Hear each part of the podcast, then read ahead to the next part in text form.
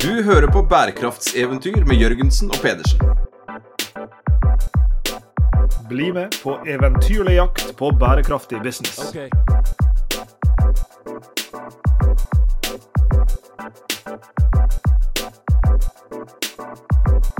I denne episoden av Bærekraftseventyr Sveinung, så skal vi gjøre det vi hadde gjort hvis vi laga superheltfilmer. Vi skal lage en oppfølger til.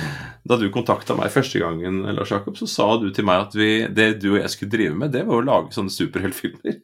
Det, det, hadde vi Jeg vet ikke om vi kunne spilt i dem, men vi, eh, en eller annen rolle kunne vi kanskje funnet i. I vårt liv da, som, eh, som onkel Reisende Mac i, i flertallet, Jakob, så, så skriver vi jo disse postkortene, og vi er jo ute og prøver å undersøke hva er det som skjer der ute, og så sender vi noen meldinger hjem, og i dag skal det komme et nytt eh, postkort om eh, vesentlig forvirring. Her viser jo du eh, helt eksplisitt tilbake igjen til, hvis jeg husker rett, episode nummer seks av denne podkastserien. Den kom vel ut rundt årsskiftet på vei inn i 2021, tror jeg.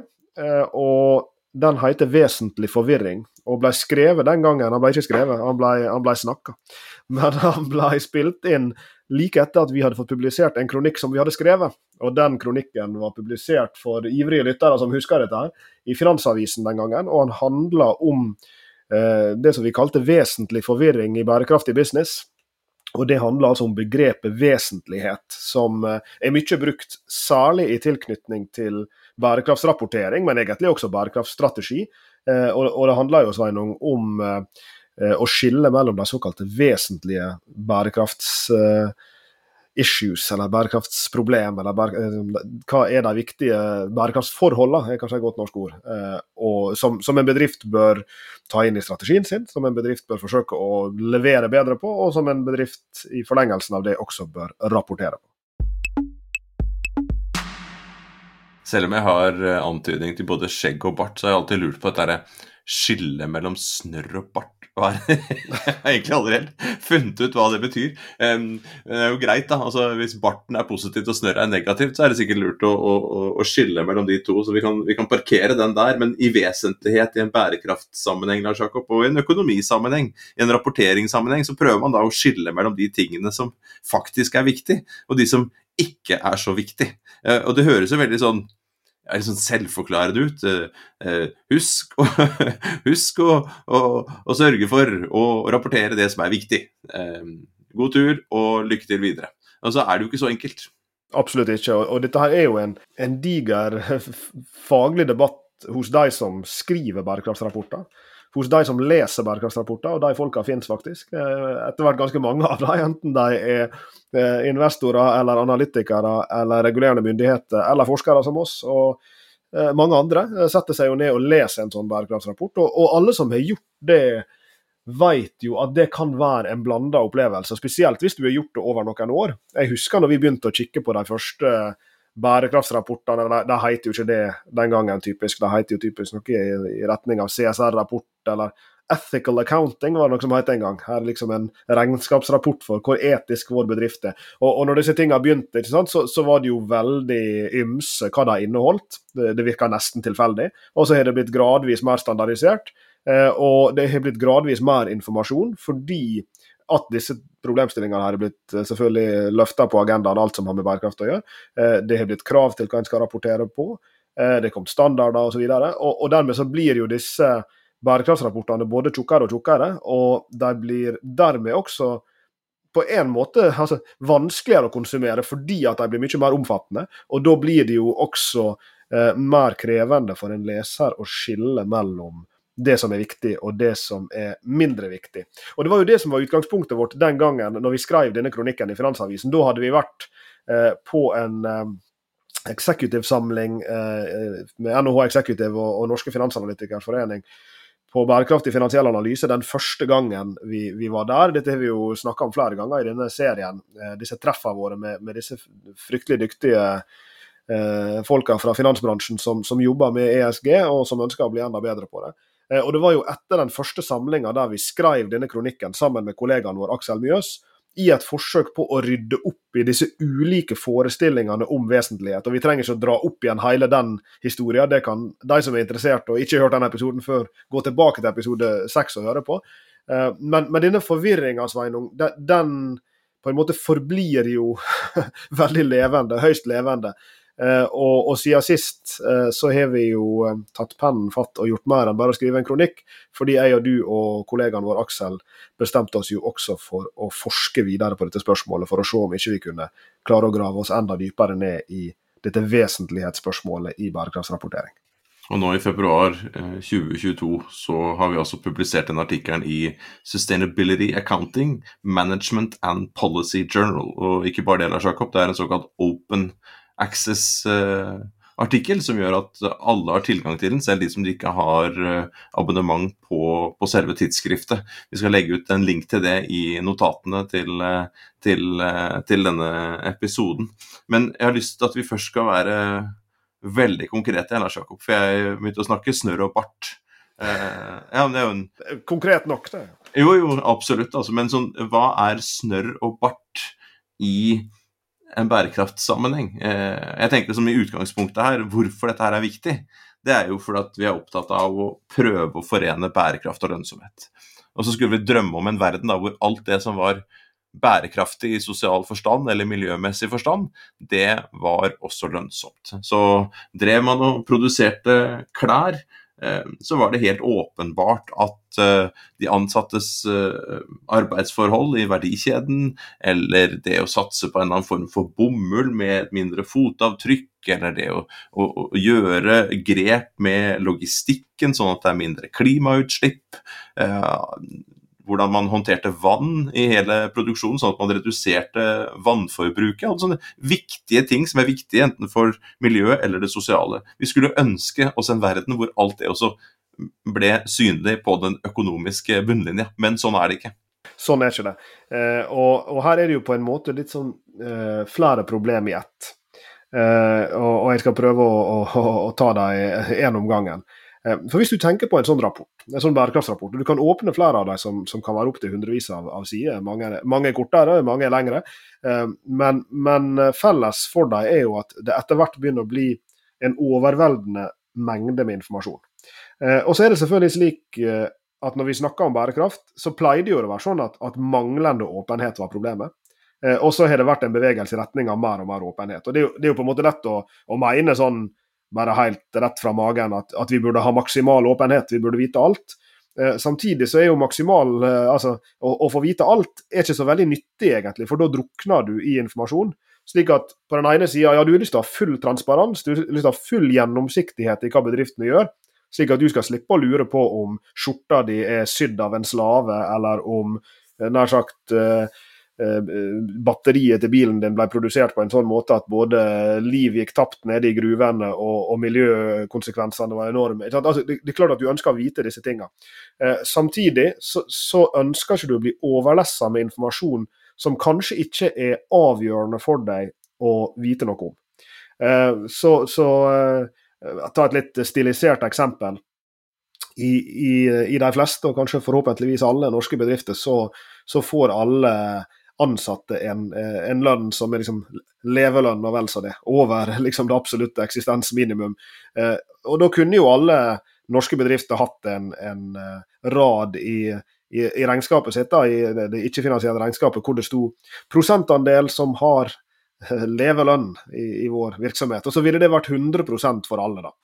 Jeg tar et litt teit eksempel, men bare for å illustrere poenget. Den raden da i en, i en sånn bærekraftsrapport, den ville jo på en måte vært helt overflødig.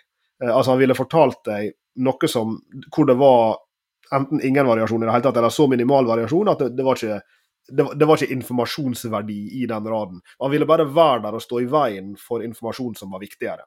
Mens for mange andre marked, selvfølgelig, altså for multinasjonale selskap som, som jobber i, i, i, eh, i, marked, eller opererer i marked hvor det kan være til dels stor variasjon i sånne ting, så altså vil jo det være en viktig indikator. Eh, slik at det som for én bedrift i ett marked vil være fullstendig uinteressant å rapportere på, vil for et annet uh, selskap i et annet marked være, være, viktig å rapportere på.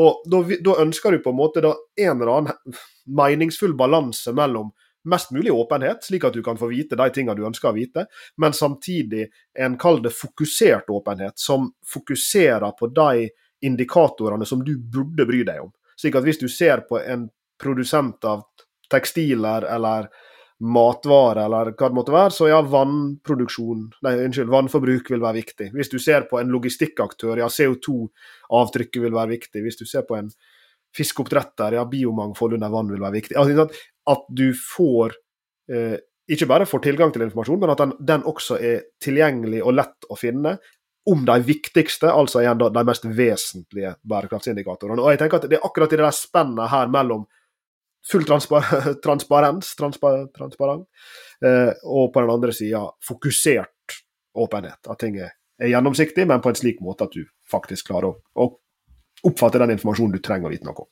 Jeg har lyst til å trekke inn én dimensjon til i den samtalen. For nå, nå, har vi vektlagt rapportering, altså det som skjer etterpå. Eh, og den informasjonen som gis eh, gjennom rapporten. Rapporter som ofte skrives til eh, investorer som, en, som en, en, viktig interessent, men som også andre eh, interessenter kan være opptatt av og være interessert i å lese. Men jeg har lyst til å, trekke fram den andre dimensjonen, Jacob, og det handler om strategi. For hva har skjedd før man har kommet til rapporteringen? Har, hva har skjedd når man har forsøkt å identifisere disse vesentlige faktorene? Eh, hva, har skjedd når man har forsøkt å prioritere mellom dem? Hva er det som har skjedd når man har forsøkt å effektuere dette her i forretningsmodeller, i strategien til, til selskapet? Og tilbake i episode 37 så, så snakket vi om ESG og I hvor I-en da står for innovasjon.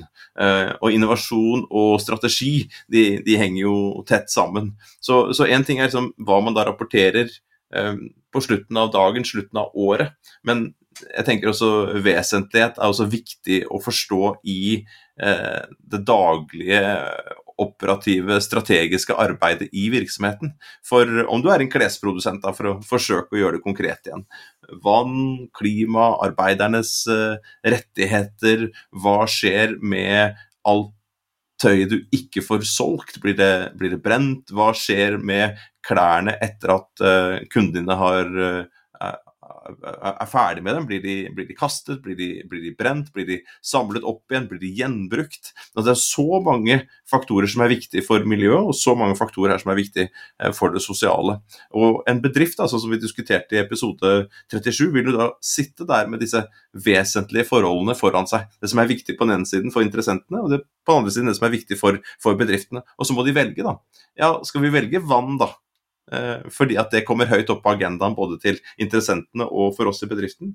Så er neste spørsmål ja, hva i verden skal vi gjøre med det? Eh, og hvordan kan vi gjøre dette på en måte som reduserer kostnader, reduserer risiko, som gir oss et bedre omdømme, eller som øker inntektene? Eh, klima spørsmålet. Vi vet sånn historisk sett uh, på en del studier at, uh, at, akkurat det som handler om klima og klesproduksjon, de bedriftene som har investert i klimatiltak, de, de har ikke nødvendigvis skåret på dette her lønnsomhetsmessig. De har kan ha brukt penger på det. De kan ha bidratt til å, å, å redusere eh, klima, eh, altså utslipp av klimagasser, men de har ikke nødvendigvis klart å hente ut økonomisk gevinst eh, av dette her. Så de to dimensjonene, en endimensjon av det strategiske arbeidet, identifiseringa, prioriteringa, og, og, det å sette dette her i system i forretningsmodellen, og på den andre siden rapporteringen til investorer og andre viktige interessenter om hvordan dette arbeidet eh, har gått.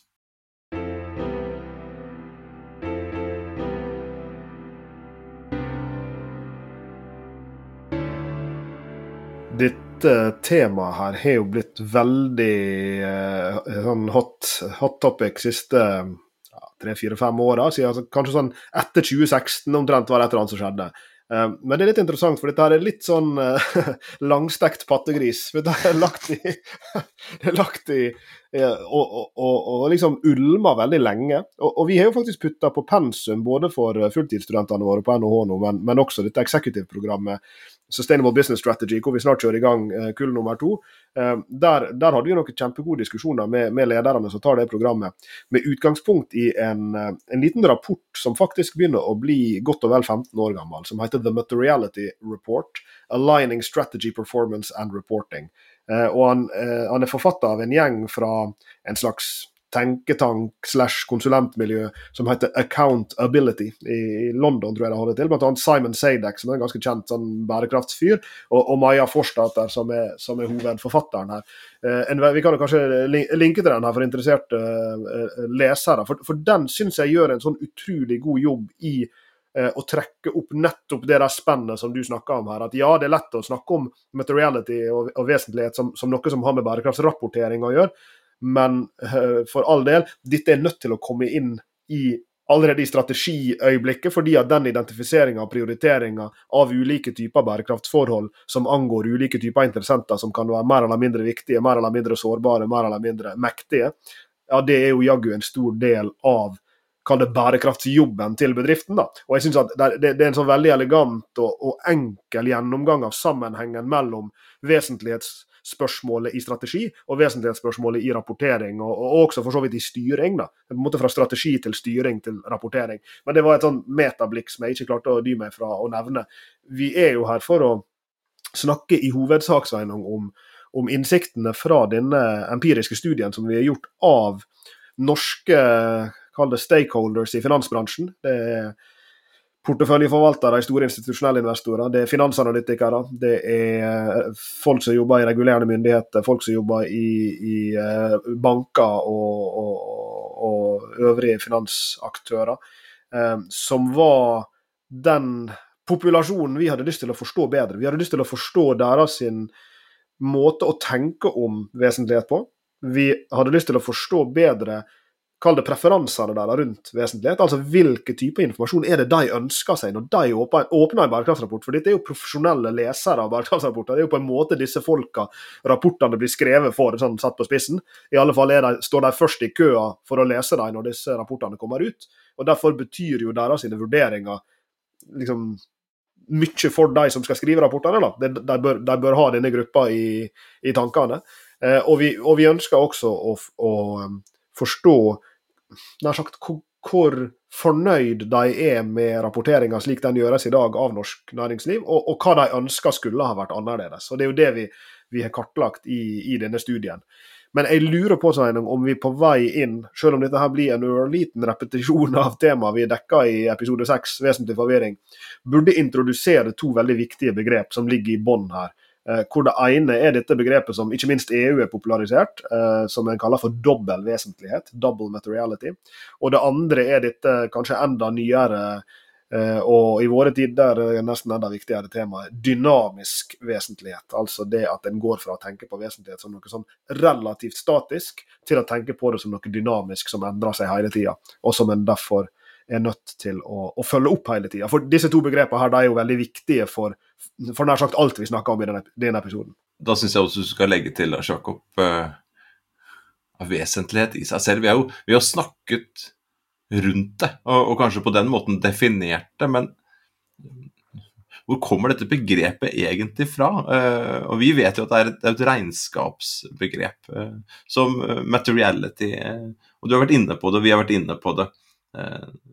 Hva er det man skal rapportere? Du har, du, har, du har, ikke lyst på all informasjon, du har lyst på den viktige informasjonen. Og du har lyst til å, eh, som investor så har du lyst til å vite eh, om de tingene som, som, vil påvirke din beslutning.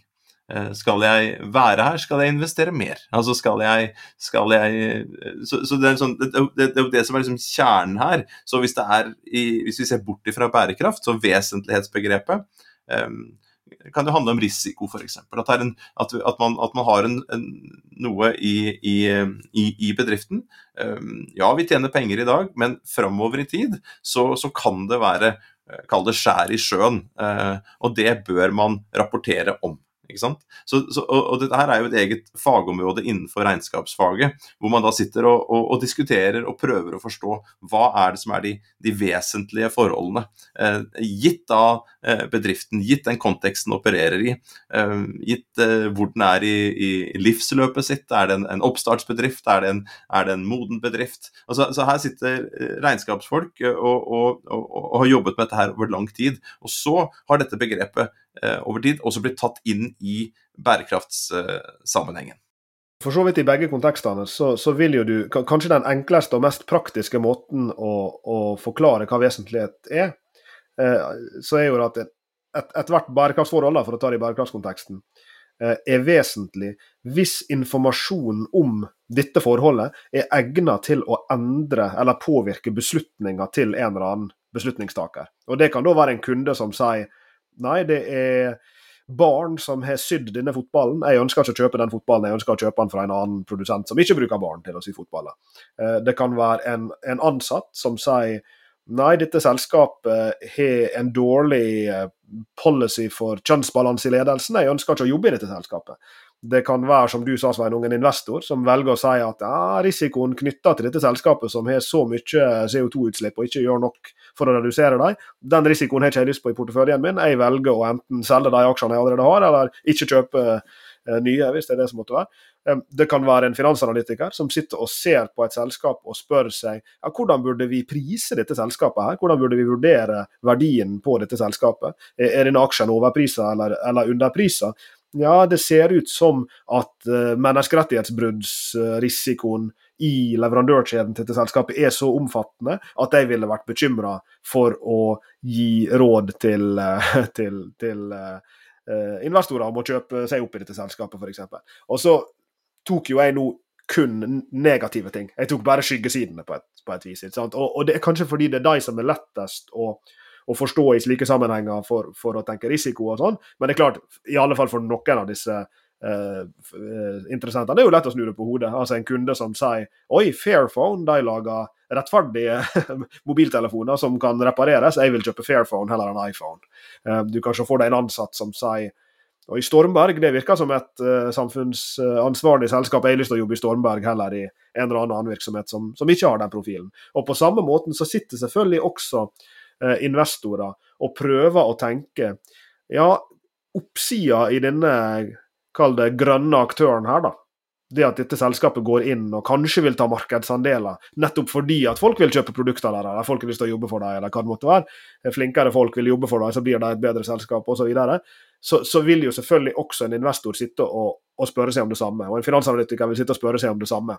Eh, sånn at, eh, at helt klart de, de, de positive fotavtrykkene her er jo Eh, er jo vel så viktig. Men det er veldig lett å begynne med disse skyggesidene, for det, det, er slik vi er vant til å tenke på en del av disse tingene i, i bærekraftsrapporter. og Det er veldig ofte det indikatorene handler om. Hvor mange CO2-tonn slipper du ut? Hvor mange skader har det vært på arbeidsplassen? Osv. Men, men vi er selvsagt like interessert i begge deler. og Det kan være vesentlige forhold hvor en har negative avtrykk, og det kan være vesentlige forhold hvor en har positive avtrykk.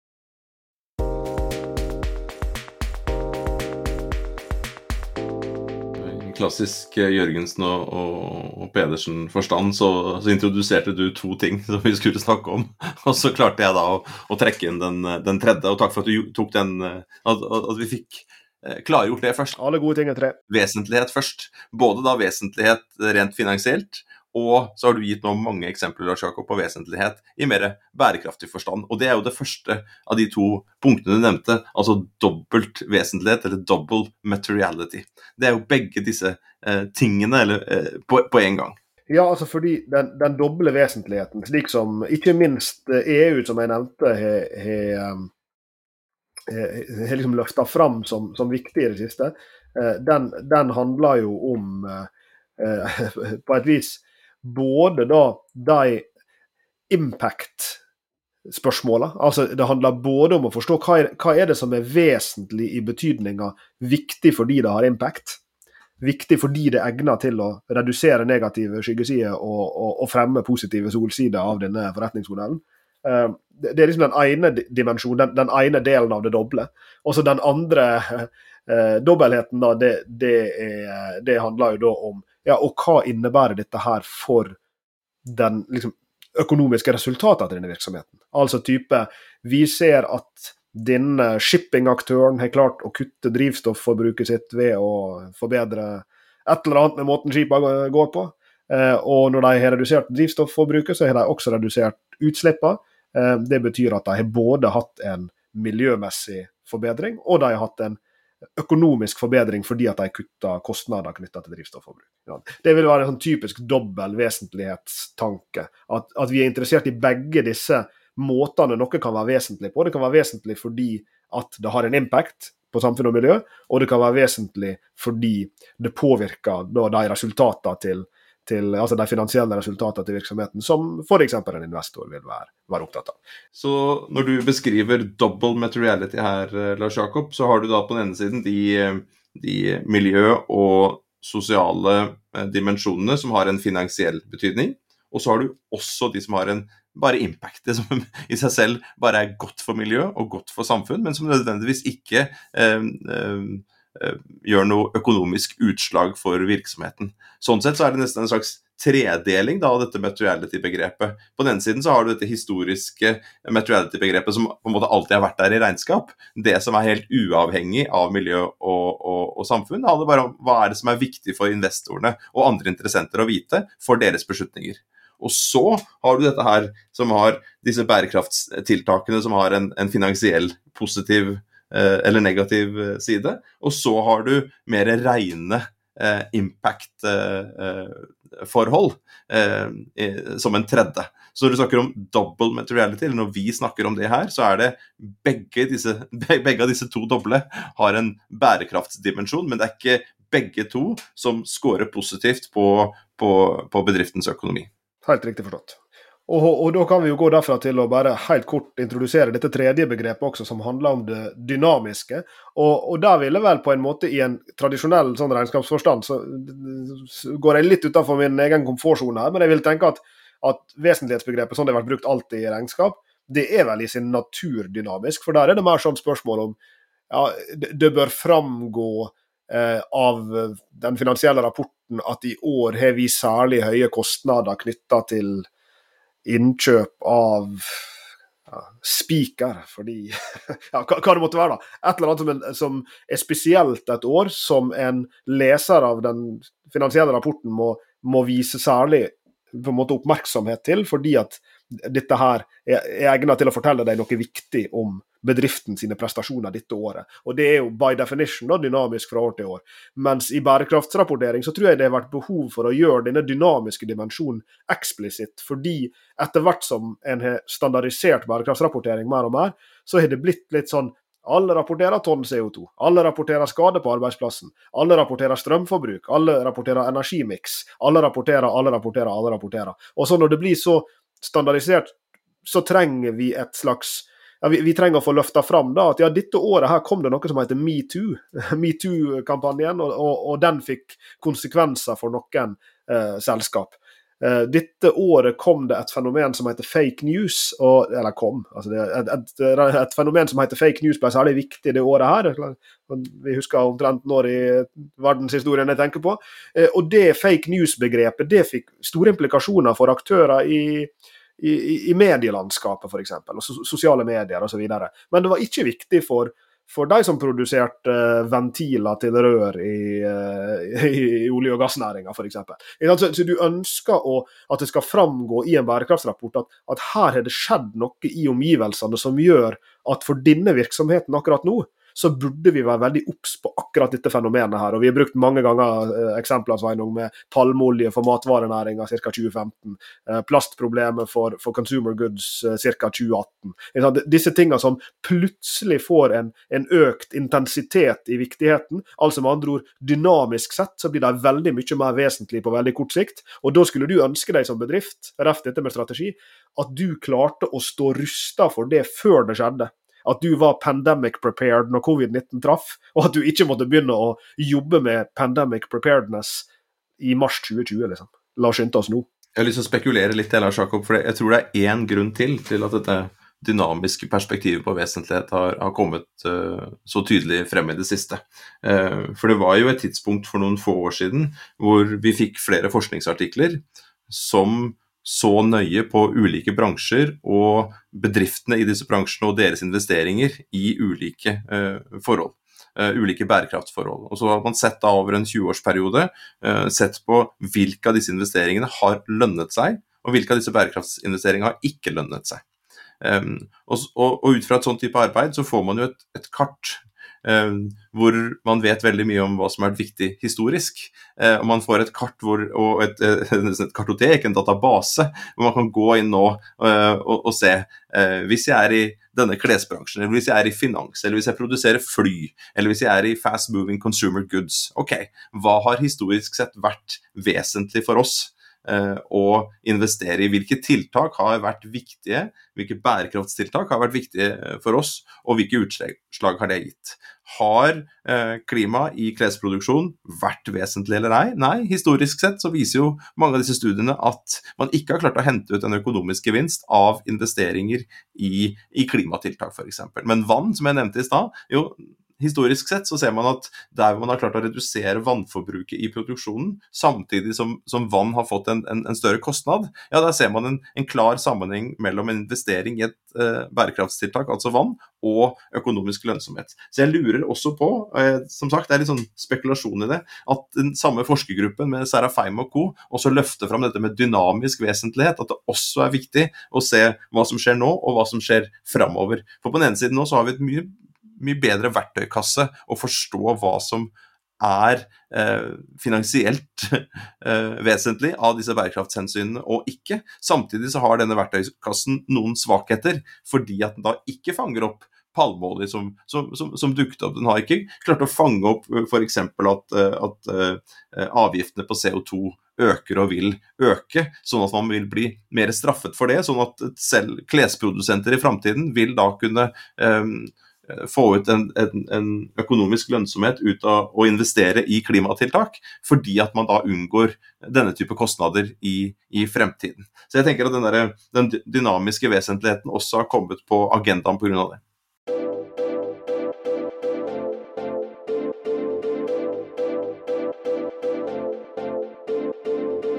Jeg husker i de eh, tidlige åra vi hadde kurset vårt Sustainable Business Models, Sveinung, og, og, gikk inn der på en tid hvor det fortsatt kanskje var mer behov for å skal ikke si misjonere, men, men, i alle fall klemme litt til, da, for å prøve å, å, å liksom aktualisere disse temaene for, for, studentene. I dag går jo det av seg sjøl.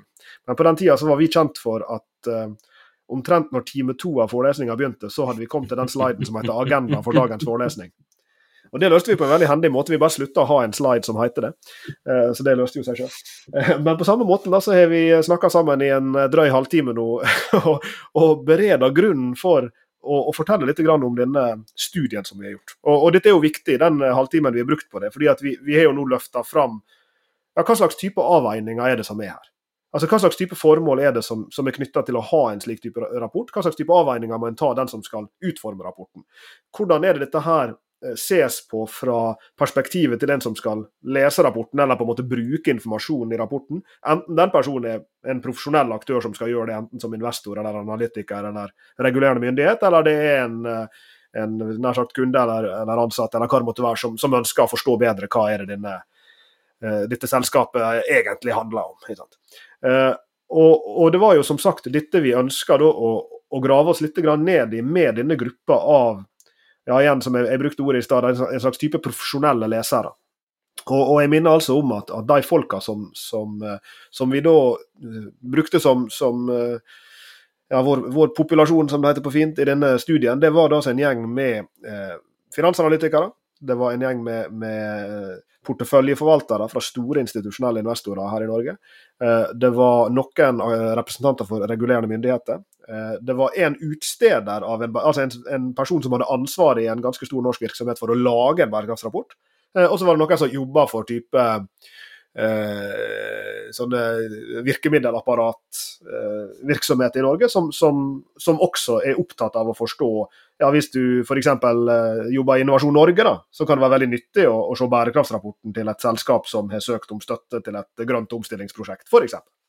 Eh, så, så, det var jo da eh, den gjengen som, som vi ønska å, å, forstå bedre kall det perspektiver til, måten de brukte den informasjonen på, måten de vurderer vesentlighet på, og, og hvilke ting de syns er bra og hvilke ting de syns er mindre bra ved måten eh, vesentlighetsvurderingene til norske eh, bedrifter som, som, har bærekraftsrapporter, eh, gjøres. Eh, og, og, dette gjorde vi jo i to ledd, Sveinung. Vi, vi hadde først en, en ganske enkel survey som vi eksponerte ganske mange av disse folka for. Og så gjorde vi en serie med dybdeintervju med én representant for hver av disse gruppene som jeg nevnte. For å, for å, forstå En ting er jo liksom sånn ja, hva er mer og mindre viktig i en sånn survey-forstand, men vi ønsker jo også å høre dem sette ord på dette her. Og det var jo en, det var en interessant prosess å få, å få komme tett på disse veldig proffe og veldig flinke folka som, som, sitter og gjør disse vurderingene hver eneste dag. Du hadde en, eh, en morsom agendavits her, Lars Jakob. Du skal, du skal få for den også. Men, eh, ja, jo, men jeg er litt uenig med deg likevel, og det er jeg ofte. Eh, for Hvis du leser, leser artikkelen og, og, scroller ned i artikkelen til metoden og, og denne empirien, så er jo første delen, de første halvparten av artikkelen, er jo det vi har snakket om den første halvtimen. Så på samme måte som studentene, hvis de skulle ha noe nytte av andre time, så måtte de jo gjennom første time. Og jeg tenker her også, når vi nå går inn i da, empirien, så er det jo bakgrunnen, har vi jo den samme bakgrunnen. Vi vil jo kjenne seg inn i det. Hvis man leser paperet fra side 1 til 10, så vil man se da Det du sier, er at jeg er smartere enn jeg, eh, enn jeg påstår at jeg er også penere enn jeg ser ut? Du er penere enn du ser ut, sagt, men smartere er du ikke. Men, men, men det, er noe, det, er noe, helt annet. Det greia med at det bare, altså Artikkelen er jo bygd opp sånn. altså Hva er bakgrunnen her, hva er problemet? Jo, vesentlighet har vært lenge. Det har vært finansiell vesentlighet, helt uavhengig av bærekraft, har, har fått lov til å leve godt, og det har vært viktig. Og så etter hvert så har man fått inn denne bærekraftsvesentligheten, eh, som er dob i dobbel forstand. Både det som da har hatt en effekt på, på økonomi, og mer eh, de som mer hatt en, eh, en, effekt på det du kalte impact. Altså sånn der, eh, det som går utover økonomien, men som er bra for, for samfunnet og for, for uh, miljøet, og kanskje til og med bra for vår felles økonomi. Og Så kommer man dit, da. Ok, en, en, en investor da, som leser disse rapportene. Og Der er vi jo interessert i spørsmål som ja, hvilke forhold er det bedrifter burde bry seg om? Og, og hvilke sånne key performance indicators, key, KPI, altså hvilke mål er det de burde uh, ha et uh, øye med, med bedriftene, og, og, og, for å da kunne vise hva de uh, faktisk gjør over tid, og, hvor det er forbedringer. Um, bør en sånn rapportering, spurte vi, kun konsentrere seg om det som er liksom, finansielt vesentlig eh, i en bærekraftforstand, eh, eller skulle man konsentrere seg i større grad om det som har impact på miljø og, og, og samfunn? Og hvis begge deler er rapportert, spurte vi eh, videre.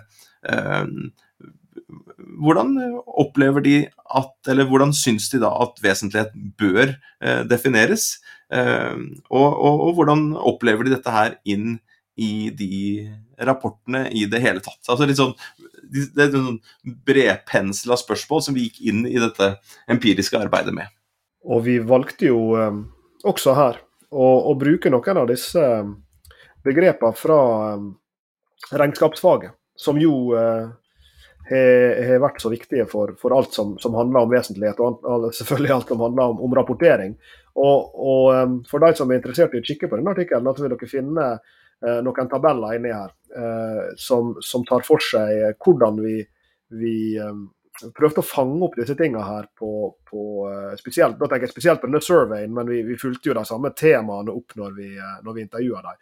Og Da brukte vi noen begrep fra, fra regnskapslitteraturen som handler om, om, det som en ofte kaller for informasjonskvalitet. Og Det, det henger jo sammen med det vi var inne på i stad. fordi du ønsker, i en verden hvor det er veldig mye informasjon, så ønsker du å sikre deg to ting. Du ønsker at du får den, den rette informasjonen i betydninga fokusert, at ikke du blir overlessa av informasjon du ikke trenger. Og det andre er at du ønsker at den informasjonen du får er av høy kvalitet. Altså at han forteller deg noe om den kall det underliggende virkeligheten som du, som du ønsker å fange, fange opp. Eh, og, og, Derfor så brukte vi da disse vanlige indikatorene på såkalt informasjonskvalitet, eh, som blir brukt i, i, i regnskapsfaget. Altså Hva informasjonsbehovet er nå én ting. Vi, vi, ønsker å finne ut hva slags type informasjon er det disse disse investorene og disse analytikerne og, andre ønsker seg. Eh, vi ønsker å, å, forstå informasjonstilgjengeligheten, hvordan de vurderte den. Altså hvor tilgjengelig er din informasjon, både i betydning av hvor lett det er å finne den og hvor lett det er å forstå den eh, i disse rapportene. Og så ønsker vi da å forstå eh, informasjonskvaliteten, som jeg sier. Og, og, da er det noen indikatorer på det som bl.a. er, med fare for å gjøre det for finkorna her, men dette er jo faktisk ganske viktig, hvor relevant informasjonen er eh, hvor tidsriktig han er. Altså i betydninga får du informasjon på et tidspunkt hvor dette er til hjelp, eller er det liksom så historiske data at, at det ikke er, er nyttig lenger? hvor sammenlignbar er informasjon? Kan du sammenligne samme bedrift over tid, og kan du sammenligne bedriften med andre bedrifter? Eh, og hvor verifiserbar er informasjon? Kan du finne ut at dette her faktisk stemmer? Nå spisser vi til her, Lars Jakob. Informasjonskvalitet, behov og tilgjengelighet. Og er informasjonen relevant, og er den tidsriktig? Eh, og merk, eh, kjære lyttere, eh, nå har vi snakket med eh, finansielle investorer, enten eh, de som investerer eh, privat, eller de som investerer på vegne av en institusjon. Og Hvis vi går litt tilbake, du sa, disse rapportene sånn historisk sett, eh, Lars Jakob. Hva var de? Var de bare en, en, en landingsside på, et, på, på nettet med, med, med, fine historier og, og, og, bilder av glade unger? Altså så historisk sett. Og hvordan har dette her mer og mer og mer eh, knyttet seg an til eh, regnskapsrapporteringen, og, derfor også regnskapsspråket. Og i, hvilken forstand sitter da disse investorene eh, og, jobber seg gjennom rapportene for å finne data som de kan bruke, nettopp for å ta de beslutningene som vi har snakket om i dag. Beslutningen på å investere eller ikke. I dette tilfellet. Andre eh, interessenter vil da eh, kanskje bruke denne informasjonen til å vurdere om de vil jobbe der eller ikke, kjøpe produktene deres eller ikke. Eller myndigheter leser og tenker er dette her en, en bransje som vi bør støtte, subsidiere, eh, eller på andre, andre måter eh, fremme, eller er det en, eh, en bransje som vi bør forsøke å, å begrense skadevirkningene av. Så, så, og, men, men, så da, Lars Jakob, over tid så har disse bærekraftsrapportene blitt mer og mer eh, faglige spissa, og man sitter da med investorer og andre interessenter som krever noe mer enn eh, fagre ord og vakre bilder. For de som er interessert i å kikke nærmere på, på resultatene i denne studien, så vil dere jo se at eh, ja, Dere vil kanskje bli overraska. Eh, en måte å si det på. For jeg, synes uh, Noe som var slående der, det, er jo mange vrengebilder av hvordan uh, investorer, eller hvordan kall det finansmarkeder og finansmiljøer ser på verden. Og, og veldig ofte er jo de det, er litt sånne stråmenn, er min vurdering. Og, og, i alle fall så, så tilsier disse tallene her at, at, at det er sant. Eh, vi ser jo bl.a. At, eh, at disse investorene eh, nær sagt svarer veldig avvisende på påstanden. En bærekraftsrapport burde utelukkende løfte fram forhold som er av finansiell viktighet. Det er de svært uenig i. De, de, mener at det er veldig viktig at, at disse rapportene får frem både altså dobbel vesentlighet, da, får frem både de finansielt vesentlige og de mer generelt sånn impact-vesentlige eh, forholdene. Eh, de mener videre at, at, det er en stor overlapp mellom disse. Eh, så, så, det later til at de kanskje ikke har en veldig stor bekymring for at eh, kall det impactfulle bærekraftstiltak ikke skal være finansielt vesentlig. Det virker som at de er ganske sånn optimistiske på, på bærekraftens vegne, på et vis, denne, denne gjengen. Um, de vektlegger også i veldig stor grad dette dynamiske. Ehm, de, de, eh, uttrykker veldig stor enighet i påstanden om at det er betydelig endring over tid eh, i hvilke bærekraftshensyn som er vesentlige. Og de ønsker seg i veldig stor grad at rapportering skal forsøke å fange opp en slags sånn sannsynlighetsvurdering da, av hvor av hvilke forhold som vil bli vesentlige i framtida. Altså, så en ønsker seg en litt sånn, kanskje nesten litt overraskende, en ønsker seg en litt grann sånn spåkuletilnærming til bærekraftsrapportering. At, at her, er noen, her er noen bets som vi tar. Her er noen ting vi tror vil komme til å bli fremtidens palmeolje, fremtidens plast, fremtidens metoo, fremtidens covid. Eh, og og ikke minst, det påstanden som de kanskje er aller mest enig i, det er at de mener at å ordentlig håndtere de vesentlige bærekraftsforholdene for en bedrift, er avgjørende for fremtidige økonomiske resultat for den bedriften. Så dette er jo en, en gjeng som, som, i alle fall ikke betviler bærekraftsprestasjonene sine konsekvenser for finansielle prestasjoner, for å si det på den måten. Så det du sier, Lars Jakob, eh, det er at det var enklere før? jo, for det er jo krevende, og, og vårt refreng er jo at uh, å, å, forene bærekraft og lønnsomhet er, er, mulig, men det er uh, forbanna hardt. Og det krever mye arbeid, og, og vi har vært inne på det før. Det, det krever uh, innovasjon, både på, på drift og sånne ting, men også mer radikale grep i, i, bedriftene. For selv om man har satt seg ned da, som en bedrift og, og gått gjennom, snakket med, med, med, med interessentene, både investorene og andre viktige interessenter. Og selv om man har gått inn i sin egen bedrift eh, og sett hva som er viktig for oss, og, og, og satt da høyt, høyt, høyt oppe på dette um, det vesentlighetskartet, de vesentlige forholdene, ja, så har man identifisert det. Man har identifisert noen viktige forhold som har um, impact uh, på miljø og samfunn, og som også har betydning for bedriftens økonomi. Men så er det neste steget. Hvordan skal man gjøre noe med dette her? Hvordan skal man prioritere de viktigste hensynene, og hvordan skal man eh, effektuere dette her i, i, i gode strategier. Og, og, her sier eh, investorene, som du sier, som vi har snakket med, at dette her er eh, noe de ikke bare ønsker informasjon, de krever informasjon om det. Og de opplever jo også at bedrifter per i dag ikke gir god nok informasjon, særlig sånn tallbasert informasjon som gjør at de kan sitte på utsiden som investor eh, og vurdere fra år til år, eller eh, vurdere på tvers av bedrifter i eh, samme bransje. Eh, hvordan er det bedriftene gjør det. Så, så vår påstand her Lars Jakob, er at fremover så vil jo disse bedriftene som skal rapportere dette her, de, de vil eh, være nødt til å bruke faktisk enda mer tid og ressurser på å gjøre dette på en god måte. Jeg lærte i voksen alder at uh, Ole Brumm aldri sa ja takk, begge deler, når han fikk uh, spørsmålet fra Sprett om hvorvidt han ville ha honning eller boksemelk til brødet. Han svarte faktisk kun begge deler. Uh, men, men på samme måten så Sier du at Ole Brumm var frekk?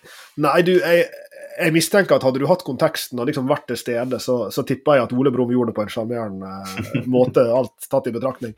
Men, men, eh, disse investorene her, eller det er ikke bare investorer, disse finansmarkedsinteressentene som vi har studert her, de er jo også i en sånn, ja, tør jeg si det, ja takk, begge deler.